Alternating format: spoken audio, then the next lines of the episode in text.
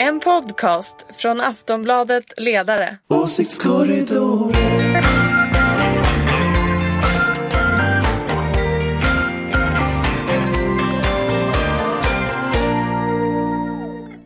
Hej och välkomna till Åsiktskorridoren, din vän i den politiska stormen. Det här är en podd från Aftonbladets ledarsida och precis som varje vecka pratar vi om de hetaste ämnena i den heta svenska debatten. För att sprida lite ljus i mörkret finns Ulrika Schenström med oss. Du är moderat, chef på Den gröna, förlåt mig, du är oberoende moderat. Ja, det var bra att tänka det. Mm. Ja, och chef på Den gröna och liberala tankesmedjan Fores. Välkommen! Tackar! Här har vi också Lina Stenberg. Du är oberoende socialdemokrat får man säga då och ledarskribent på Aftonbladet. Just Välkommen! Det. Tackar! Och precis som vanligt Anders Lindberg, politisk chefredaktör för oberoende Aftonbladet eh, och socialdemokrat, oberoende socialdemokratiska Aftonbladet. Ja, det är jag. Så är det. Tack. Det många. Själv heter jag Ingvar Persson och arbetar också på Aftonbladets ledarredaktion. Men idag ska jag försöka leda den här podden alldeles eh, opartiskt och alldeles ojävigt. Eh, men vi ska börja med dig Anders. Eh, I förra veckans podd diskuterade vi den socialdemokratiska valstrategin.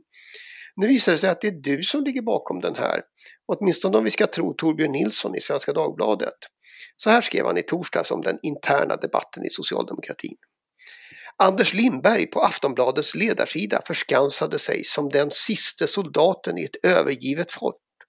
De dagar han inte sågade Sanki, det var den socialdemokratiska valledaren, skrev han om hur Ulf Kristersson och von Papen, den tyska politiker som släppt fram Hitler. Och nu har alltså Lindberg segrat. Eftersom det är VM-tider eh, så måste vi såklart ha en segerintervju och jag ställer den klassiska frågan. Hur känns det Anders? Det känns mycket bra.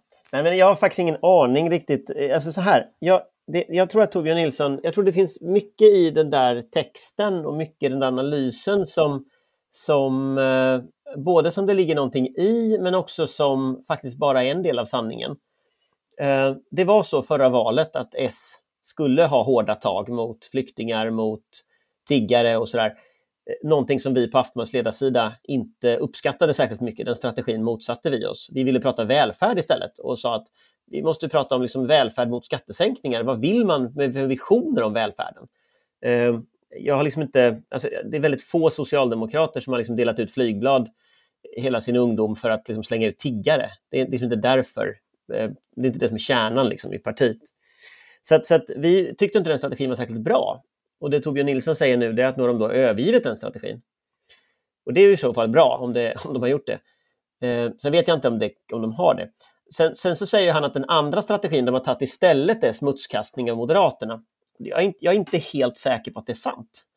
Jag tänker att det, i den kritik vi hade 2018 om välfärden ligger nog också vad i alla fall många socialdemokrater vill ska vara strategin. Att prata välfärd, att prata eh, liksom, att återreglera marknader och, och att, att eh, minska privatiseringen i välfärden och så vidare. Det tror jag ganska många vill se som liksom, den andra strategin. Eh, så jag tror det, det finns mycket i liksom, att de har bytt strategi, men jag är inte riktigt säker till vad. Typ så.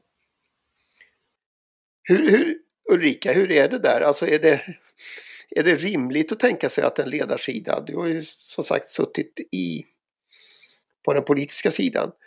Kan en ledarsida segra i en intern debatt i ett parti? Ja, det, det tror jag nog att man kan.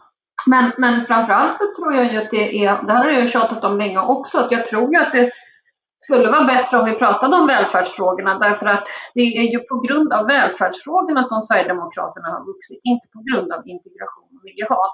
En hel del i och för sig på integrationsmisslyckandet kanske, men det är ju en, en, del av det har ju med välfärden att göra. Folk är ju rädda för att välfärden ska fallera. Det här är en, en typisk liksom, socialdemokratisk eh, som retorik och, och, vad ska man säga, var, valstrategi under alla år. Att tala om för Moderaterna och borgerligheten att välfärden kommer rasera ifall skattetrycket går ner. Eh, och jag tror att eh, alltså om man sänker skatterna så, så, så, kommer hela välfärden att falleras. Och det är precis den retorik som Sverigedemokraterna haft, fast de säger det på ett annorlunda sätt. Kommer det för många hit så blir det för dyrt och då, då vet vi inte hur vår välfärd kommer att eh, fungera. Och så så att, eh, det tror jag är väldigt viktigt. Att prata välfärd och inte tvärtom. Socialdemokratin borde uppträda mer som socialdemokrater helt enkelt. Ja, framförallt så tycker jag inte man ska ta till eh, politiska ståndpunkter som man egentligen inte själv står för, utan för att vinna någonting. Det verkar ju väldigt märkligt. Det borde väl vara bättre att man är den man är och så försöker man genomföra de saker man vill, eh, eftersom man ju är politiker som vill förändra och förbättra. Detta är inte ett pingpongspel, utan det här handlar ju liksom om en hel, ett helt land och nästan 10 miljoner invånare eller hur? Det kan ju inte handla om om Sanki vinner eller om eh, Anders Lindberg. Men, men jag som är med i den här podden tycker att det är jättetrevligt att Anders har, har nu kammat hem Torbjörn Nilssons eh, eh, ja, segervittring på ja. den Lindbergska sidan. det är ja. väl bara att gratulera. Ja. Vill du också gratulera Lina? Ja, men jag vill verkligen gratulera eh, Anders till den här delvinsten.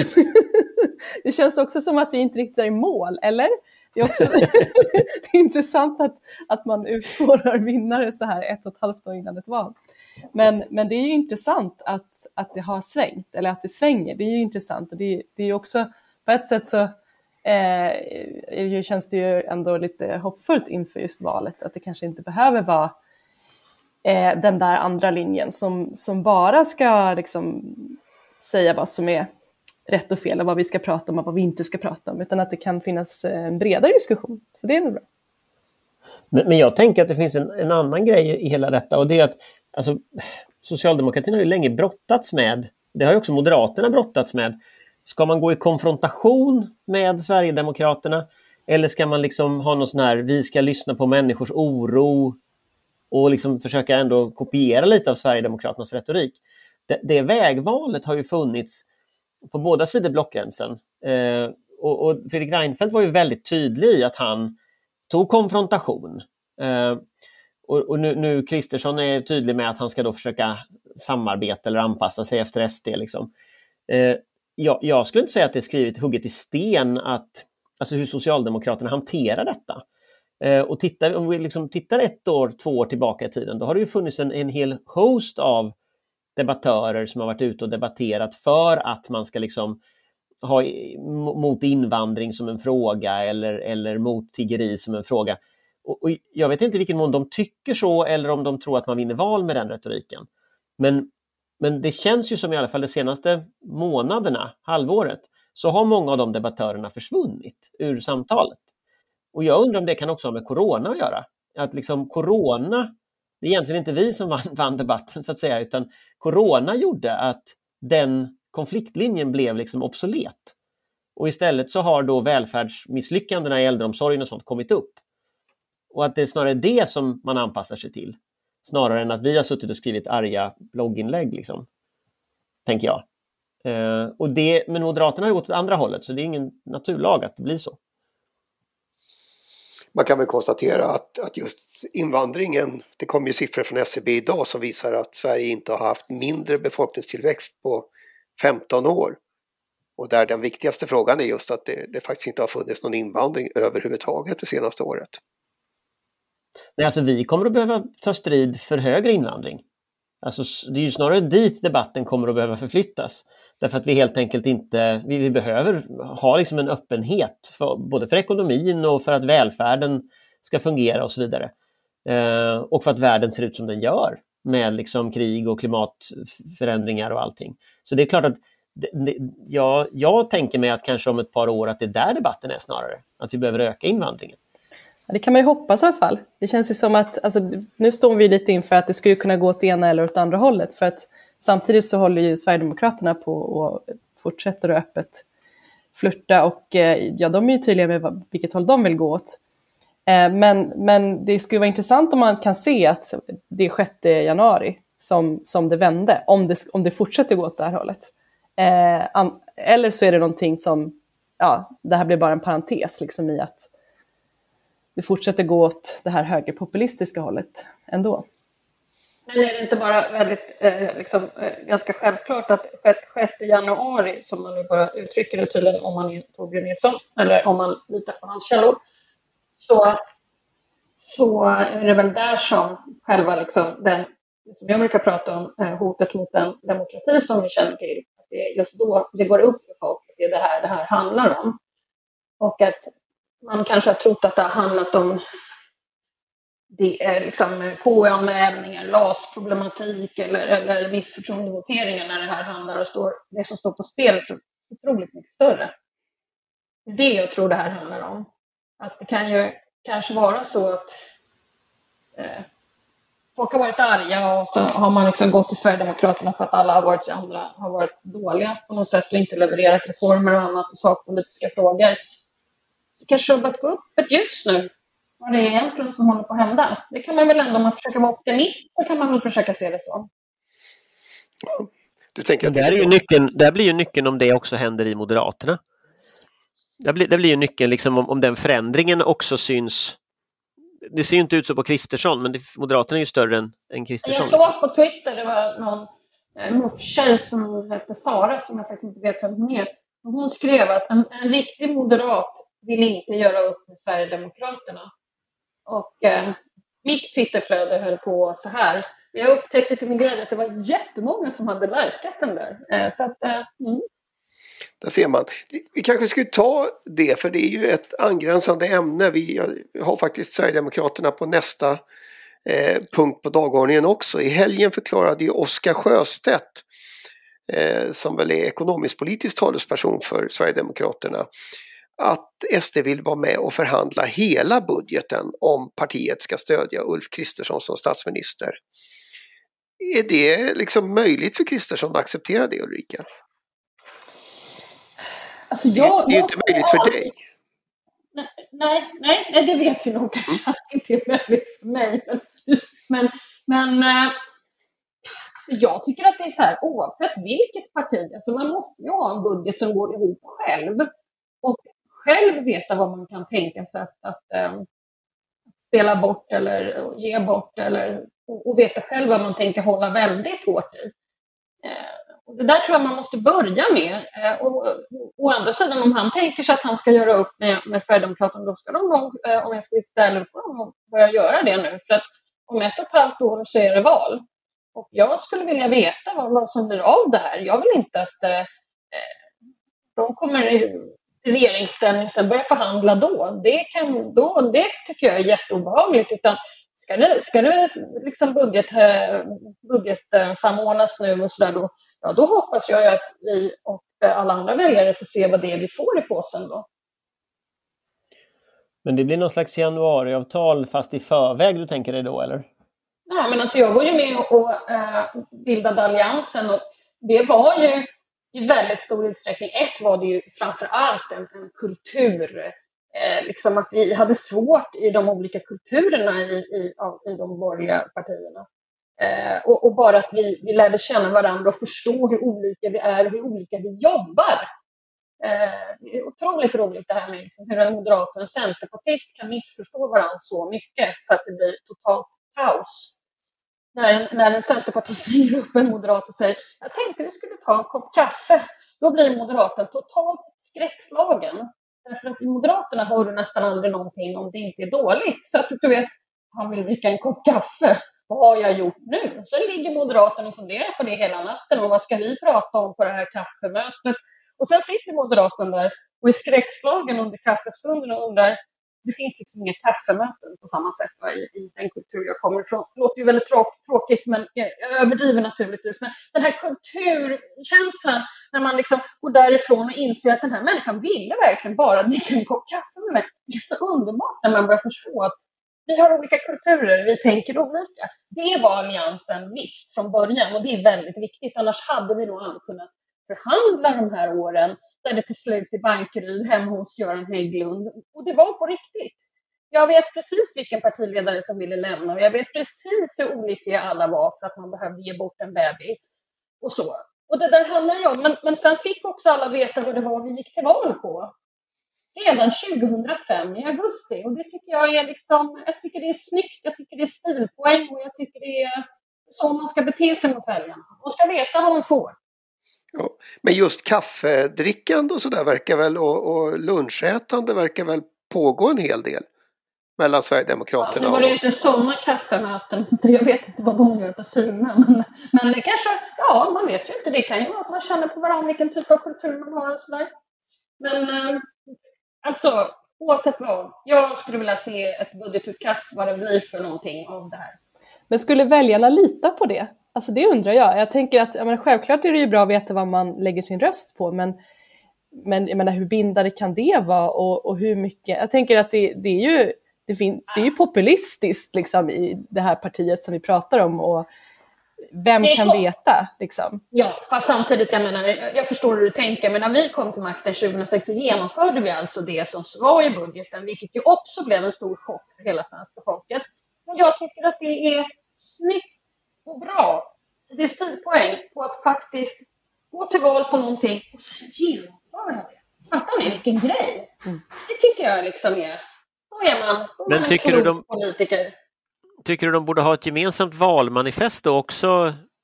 Nej, men jag skulle här- jättegärna vilja veta vad de, vem får vad och varför och hur det blir. Det tycker jag faktiskt att man bör kunna ställa sig frågan i en valrörelse. Det tycker inte jag är något konstigt. Men först Alltså, man- man har veta, ingen men Anders, men Anders, först måste du ju själv veta vad du vill, hur du ska göra det och sen kommer frågan med vem. Och då kommer det sen ett budgetutkast. Så tycker jag, men jag, det är bara jag. Det är kanske någon annan som vill säga någonting om det här. Jag har pratat väldigt mycket nu om det här. Det skulle Men jag kunna vara på- jämbusta röder.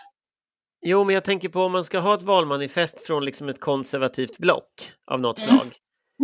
Då måste man ju innan visa var de röda linjerna går för hur långt man är beredd att kompromissa. Och, och där är väl liksom frågan, är inte hela idén från de här partierna att gå till val på helt disparata saker, låtsas att det inte finns några problem? Jo, men Anders, nu håller du ju på med hur det troligen kommer att kunna bli. Jag säger bara, jag fick frågan av Ingvar här. Tycker, tror jag att Ulf Kristersson kommer att budgetförhandla? Ja, jag tycker att han borde göra det. Så, så tycker jag att han gör. Men, men jag har bara förklarat ett framgångsrecept var ju att vi just gjorde det. Så jag bara ge ett litet råd här från hörnan här om hur man kan göra för att vinna. Så att säga. Men det är ju relevant att ändå fundera på att det här inte är ett likadant parti som dåvarande allianssamarbetspartierna. Nej, men det är fortfarande en budgetförhandling. Mm. Och det är Jag fortfarande säger, ett inte att jag, tror, jag säger inte att jag tror att det kommer att komma fram till någonting som jag vill. Jag säger bara hur man kan göra. Mm. Får man ta den där gör- frågan ett steg eh, ytterligare då? För, det, för som sagt, det här är ju, då, då har vi i så fall ett, ett tydligt och utpekat eh, konservativt block. Och, och ingen, ingen i panelen tycker egentligen att Oskar Sjöstedt gör något konstigt. Som, som säger att han vill vara med och Ja. förhandla hela budgeten. Jo, jag tycker det är lite konstigt. Och jag tänker, jag tänker att det finns två alternativ här. Det ena är att eh, Moderaterna behandlar SD som Stefan Löfven behandlar V. Och så har nog de flesta trott att det ska vara. Man förväntar sig att få deras röster, men man förväntar inte att de egentligen ska få så mycket emot prestation. Och nu säger ju SD att de tänker vara Centerpartiet. Han säger faktiskt det rakt ut. Det vill säga att de ska få väldigt mycket. Annars så får inte eh, Moderaterna deras röster. Och jag tror att det inom borgerligheten finns, eller inom borgerligheten är fel uttryck, jag vet inte vad man ska ha för uttryck, inom de konservativa borgerliga partierna, jag vet inte, eh, inom M och KD har det nog funnits uppfattningen att SD är billigare än vad SD är. Och jag tror att vad SD signalerar nu det är, kolla vad Centern fick ut av Löfven. Det är så mycket vi vill ha ut av Moderaterna. Jag tror att det är det som är liksom budskapet. Och det är ett nytt budskap. Det är ett mycket hårdare budskap än, än tidigare. När man har jamsat omkring liksom. Eh, det är en skarp fråga. Budget, budgetförhandlingar är ju skarpa. Och han säger också det att om man inte är överens om 100% då är man överens om 0 Mm. Och det jag vi skarpa- vet ju att det är så. men, men, men jag tror att liksom, jag tror Moderaterna tror att det här, att de kommer att komma ur det här pokerspelet med betydligt mer än vad de kommer att komma ut ur det. Eh, Och det här är ett skarpare uttalande än när Jimmy Åkesson ville bli justitieminister. Ja, alltså det, det var ju mera önsketänkande. Att förhandla en budget, annars röstar vi nej, är ju ett ultimatum. Ja, det blir ju skarpt läge på flera sätt. Jag tänkte, det ena är ju att, att Ulf Kristersson eh, behöver liksom svara på det här på något sätt. Eh, och det andra är ju också att Sverigedemokraterna måste förklara sin politik eh, inom fler områden än bara att det är nollinvandring och ja, vissa andra saker som man, som man har gått ut med till den stora breda massan. Eh, och att det behövs svar på det då. Vad finns det för, vad finns det för liksom, gemensamma nämnare? Vad finns det för, för frågor som absolut inte skulle gå att eh, eh, diskutera? Men det är ju ja, det är också en, alltså jag tänker att det också är ju ett svar på det som vi pratade om alldeles nyss. Alltså det är också ett sätt för SD att liksom, nej men nu, nu håller ni på att jamsa om de här frågorna som inte vi vill att vi, att vi ska, liksom, här ska inte debatten hamna, utan nu ska vi prata om, om de här hårda frågorna igen. Eh, så att ja, man riktar bort fokus från det som vi, som Anders har vunnit slaget om helt enkelt. Något säger mig att vi kommer att komma tillbaka till den här frågan eh, i kommande poddar. Eh, så att jag, jag, jag tänkte faktiskt att vi får ta lite Corona också till slut. Eh, det har ju också effekter på politiken. I veckor har det ju pågått något slags lågintensivt bråk mellan regeringen och regionerna. Ministrar har sagt att eh, regionerna gör för lite för att vaccination eller för att testning eller vad det nu är för någonting. Och regionerna har sagt att regeringen är för sen och att det inte fungerar därför. Eh, ändå har ju konflikten varit på en ganska måttlig nivå eh, fram till nu i helgen. Det har liksom skickats fram någon tjänsteman från SKR och sådär. Men när digitaliseringsminister Anders Ygeman i Ekots lördagsintervju sa att regionerna måste steppa upp, då tog det hus i helvete. Eh, SKR kastade in sin ordförande, den vanligtvis stillsamme värmlänningen Anders Knape, som hävdade att Ygeman var både okunnig och att hans kritik var alldeles grundlös. Varför blir det alltid sån cirkus när Ygeman är inblandad, Lina? ja, intressant fråga. Ja, han, han for med osanning också. Eh, ja, men det kan man verkligen undra. Är det så att, eh, att det är någon som vädrar att, eh, att det går liksom lite dåligt just nu? Är det är det, liksom, är det, det som eh, eh gör att det här får de här dimensionerna? Jag vet inte, det var min första tanke i alla fall. Men började inte alltihopa när han eh, for, for med osanning när han debatterade med, med eh, Jimmie Åkesson? Och han var så otroligt dryg när han körde drygsättet att, att debattera på, inte sluggersättet som Hultabulta. Eh, var det inte då det började bli liksom irriterande? Han var så otroligt dryg. Va? Det är inte det. Att folk hetsar upp sig över drygheten och hur han säger det jag vill inte säga, alltså, han är säkert inte alls sån privat, så jag vill inte, jag har inte, jag har inte hoppat på Anders Ygeman. Kanske inte otroligt trevlig, men jag bara säger att ibland kan det missförstås. Liksom, ja. kanske, fast, fast om du hade hoppat på Anders Ygeman så hade du varit i gott sällskap. Nästan lite, bara, lite opportunistiskt. Jag personliga påhopp. Så jag tänkte bara, man kan ju framstå väldigt drygt men är egentligen jätte Mjuk och härlig. Ja, vad är ditt svar Anders? Jag, jag, tänker att Anders Ygeman som mjuk och härlig, eller vad sa du? Nej, alltså jag, jag, tyckte nog att jag kände igen Ygeman eh, där eh, ganska väl, måste jag säga. Jag tycker ju att han är lite rolig. Alltså han, det finns någonting i hans liksom, debattstil som är lite kul. Det är lite så här, eh, tar det med en klackspark och så kör han liksom. Eh, jag tycker det, jag gillar det. Eh, det, det, är lite rock'n'roll, så att delvis kanske det är det här att det är rock'n'roll just som gör att alla blir så arga och att alla liksom ska hoppa på honom. Men sen undrar jag, i, i mitt huvud så började det här vid en annan tidpunkt faktiskt. Och det var i slutet av förra veckan när det började gå fram att Stockholmsregionen har schabblat bort vaccineringen. Och man har schabblat på en nivå som är liksom helt osannolik. Att först så, så, fick man vaccin och då gav man en del av det vaccinet till vårdpersonal som egentligen skulle ha gått till multisjuka äldre från början. Och sen kom liksom inte det här andra vaccinet som skulle ha kommit från AstraZeneca så då slutade det med att de multisjuka äldre inte fick något vaccin. Och så står Stockholm där när man ska summera alla siffrorna och så kommer man fram till att ja, men det är faktiskt så att Stockholm har eh, sämst på vaccinering av folk på eh, hemtjänst, sämst på vaccinering av folk 70 plus.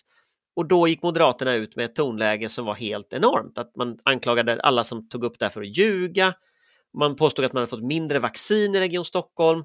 Och sen visade det sig att Moderaterna i själva verket ljög, att det var så att man, alla hade fått ungefär lika mycket vaccin, men det hade inte fördelats efter folkmängd utan efter andelen 70 plus. Och det visste Moderaterna, men de gick ut och ljög ändå. Då blev journalister sura. Och så blev det liksom den här, och så mitt i denna storm som hade startat, då klev Ygeman in och sa att de skulle steppa upp. Så då tänker, jag att, då tänker jag att han blev på något sätt katalysatorn för det här jättebråket som på något sätt hade bubblat omkring kring det faktum att Stockholm har schabblat sönder det här. Och nu ser det ut som att Stockholm, om det här fortsätter, kommer ju ha schabblat sönder det här på en nivå som gör att folk inte kommer bli vaccinerade i tid. Och nu har ju då regionrådet Irene Svenonius gått ut och sagt att jo, men nu lovar hon ändå att de ska bli vaccinerade. Så att det är ju liksom verkligen höga insatser det här nu. Och då... Omvänt så får man väl i rättvisans namn säga att det ligger också någonting i att inte, inte vaccinerna har levererats riktigt i den takt som man hade utlovat. Det är också ett problem. Det är också ett problem, men jag tror inte det är problemet i Stockholms vaccination, därför att alla andra har ju klarat det. Och alla andra har ju på motsvarande sätt fått uppskjutna vaccinationsleveranser. Så att jag tror att vad vi ser här, det är faktiskt att Stockholm är sämst. Och Stockholm är liksom objektivt sämst på ett mått som inte går att snacka bort. Du kan inte snacka bort antalet vaccinerade över 70, det går liksom inte.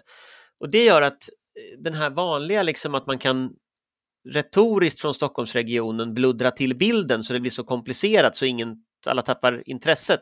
Det funkar liksom inte när det är som en siffra du ska titta på. Och det tror jag, det, tror jag, det är min, det är min gissning varför Ygeman fick sån enormt genomslag i, liksom, i, i debatten. Sen vet inte jag om det var meningen att, han, att det var det han menade. Alltså han, han har ju en viss förmåga ibland att säga saker som inte alltid är liksom, meningen, men som blir väldigt stora ändå. Det är det Ulrika försökte beskriva. Mm, fast du tog lite längre tid på det. Alltså jag tänker också att det finns, det finns någon sån här, alltså Ygeman var, han var liksom väldigt mycket en, en superhero för, för något år sedan här.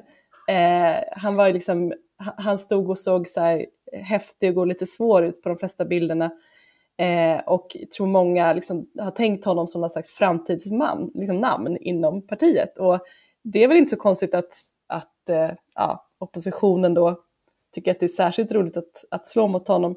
Särskilt för att han har den här stilen, alltså li, någonting med det här ironiska, ja men lite så här ironisk, lite som att, eh, ja men som man onåbar liksom, att det finns en distans som gör att det kanske känns extra roligt att liksom puckla på den här, ja men actionhjälte liksom. Det har ju varit hans, eh, hans persona debatten. Han, han, har väl, han har väl slarvat bort någon miljard också i Stockholm i någon beredskapsfond som ingen begriper vad som har hänt.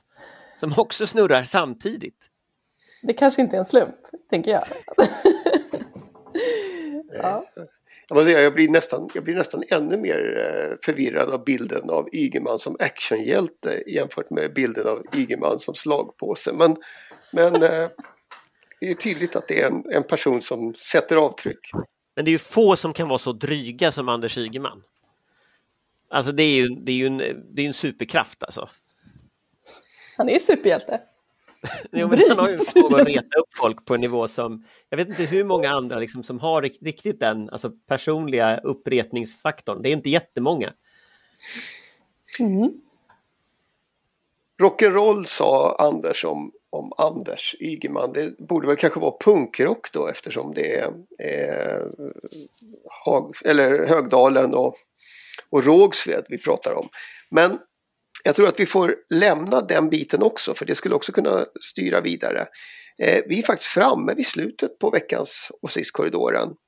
Eh, lite ljus tror jag vi har eh, lyckats sprida över, över sakernas tillstånd. Eh, och vi är tillbaka såklart om en vecka. Då kommer säkert nya saker att röra till och vi kommer att försöka reda upp dem. Eh, jag vill tacka Ulrika, eh, Lina och Anders. Tack, tack. Och så vill jag naturligtvis tacka alla som har lyssnat. Hej då och välkomna tillbaka. Hej hej. Hej då. En podcast från Aftonbladet Ledare. Åsiktskorridoren.